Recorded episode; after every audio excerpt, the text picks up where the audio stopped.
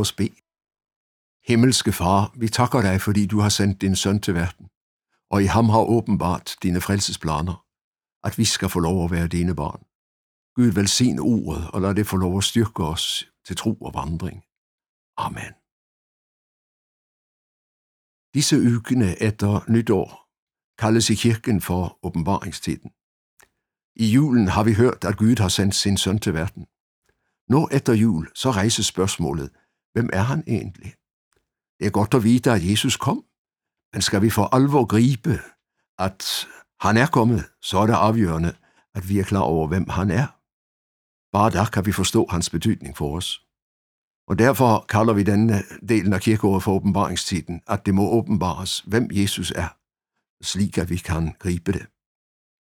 Vi skal sanse for et vigtigt afsnit i Jesaja-boken. Profeten har forkyndt Guds dom over et vantro folk i, i bokens første del. I andre del fra kapitel 40, så forkynder han trøst for de dømte. Gud er heldigvis ikke færdig med dem. Han vil begynde på nyt for at opfylde sine løfter til Abraham. Og i bokens tredje del møder vi så både trøst til de, som er vendt hjem fra fangenskabet i Babylon. De har mødt en meget udfordrende genopbygningssituation. Og samtidig, på grund af skuffelsen over de forhold, som har mødt dem, så er der nok en del af dem, som igen er vækket af fra Herrens vej. Derfor rummer sidste delen af Jesaja-boken fra kapitel 56 til 66 både en trøste tone, men også en formaningstone. Gud kalder dem til omvendelse. I kapitel 60 og 61 får vi imidlertid et herligt trøsteafsnit, som forkynder Jerusalems vidunderlige fremtid. I den sammenhæng så træder profeten selv frem fra skyggene og vidner både om kaldet han fik, og hvad Gud kaldte ham til. Det er et vakkert og løfterigt afsnit, som du læser i Jesaja-boken kapitel 61. Vi skal ikke læse hele afsnittet, vi skal bare læse nogle vers.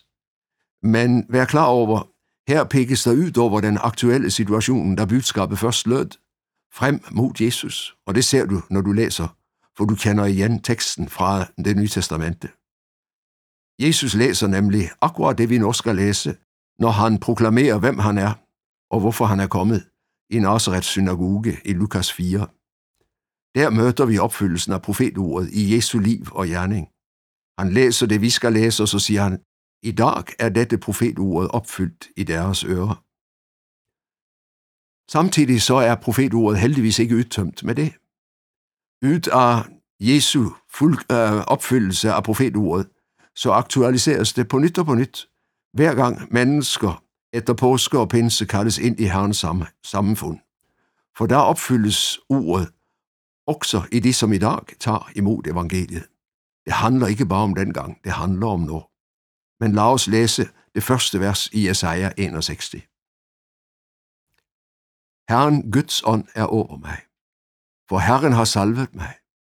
Han har sendt mig for at forkynde et godt budskab for hjælpeløse, for at forbinde dem, som har et knust hjerte.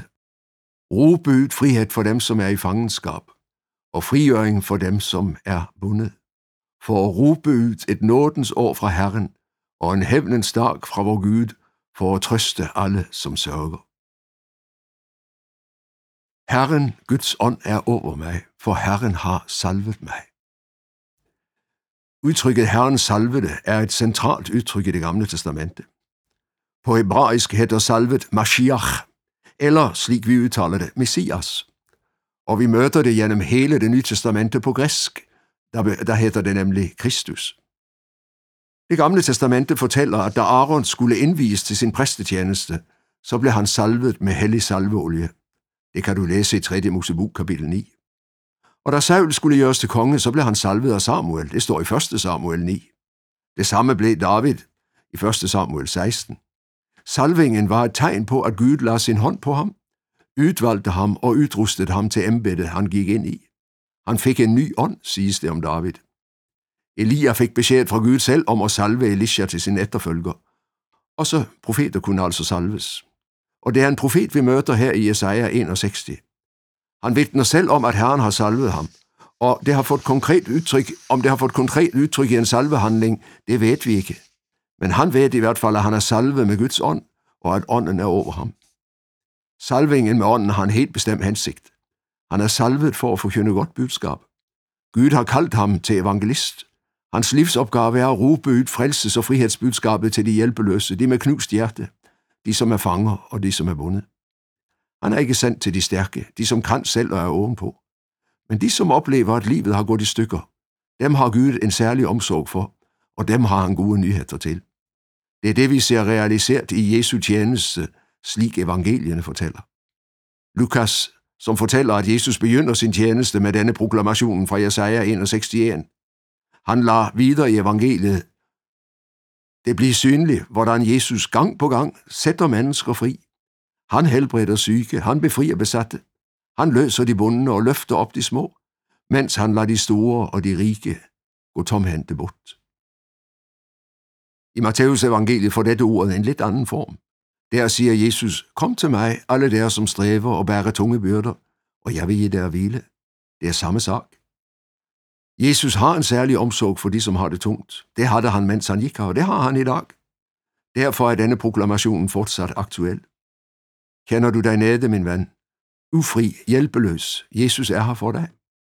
Han indbyder dig til at læse af hos ham og gribe friheden, han rækker dig. Han har sonet alle dine synder. Her er tilgivelse. Han har besejret mørkets fyrste. Her er frihed i troen på ham. Lad det sige ind hos dig. Du er ikke alene i dit mørke. Jesus er hos dig, og han tilbyder at bære dig. Betegnelsen Herrens salvede blev i det gamle testamente frem for alt brugt om kongen. I forlængelse af det vokste forventningen frem om, at Herren skulle give Israel en, som i speciel forstand var Herrens salvede, Messias. Det er denne forventning, som lever i Israel, når Jesus træder frem, og i ham får den altså sin opfyldelse. Han er Herrens salvede. Han er den, som har ånden uden mål, og som går ind i den rollen, som beskrives her i Jesaja 61. I forlængelse af hans offer for os, sender han den hellige ånd på pinsedag. Jesus deler ut af det, som er hans. Han møter alle, som tager imod ham og salver dem. Å være en kristen er at være salvet. Med dåben og troen skænker Gud dig den hellige ånd for at skabe og opholde troen, udruste dig til liv og tjeneste for ham. Slik sett skal du og jeg som tror få lov at læse Jesaja 61. Og i kraft af Jesus sige det om os selv. Herren Guds ånd er over mig, for Herren har salvet mig. Ikke alle blev salvet til en forkyndertjeneste, men vi bliver alle salvet til et liv præget af Guds ånd. Den ånd, hvis frugt er kærlighed, glæde, fred, langmodighed, mildhed, godhed, trofasthed, sagtmodighed og afholdenhed, som det står i Galaterne 5.22. I åndens kraft skal du og jeg få leve hver dag i Jesu navn, til velsignelse for dem, vi færdes sammen med. Grib derfor selv trøsten i dette ord, og giv den så videre. Der findes så mange omkring dig, som trænger den. Se dem, opmuntre dem, og får du anledning, præsenter dem for Jesus. Salvet med Guds ånd. Du går ikke alene ud i dagen. Amen. Over bibel var ved Kurt Hjemdal. Serien produseres av Norea Mediemisjon. Les mer om oss på norea.no.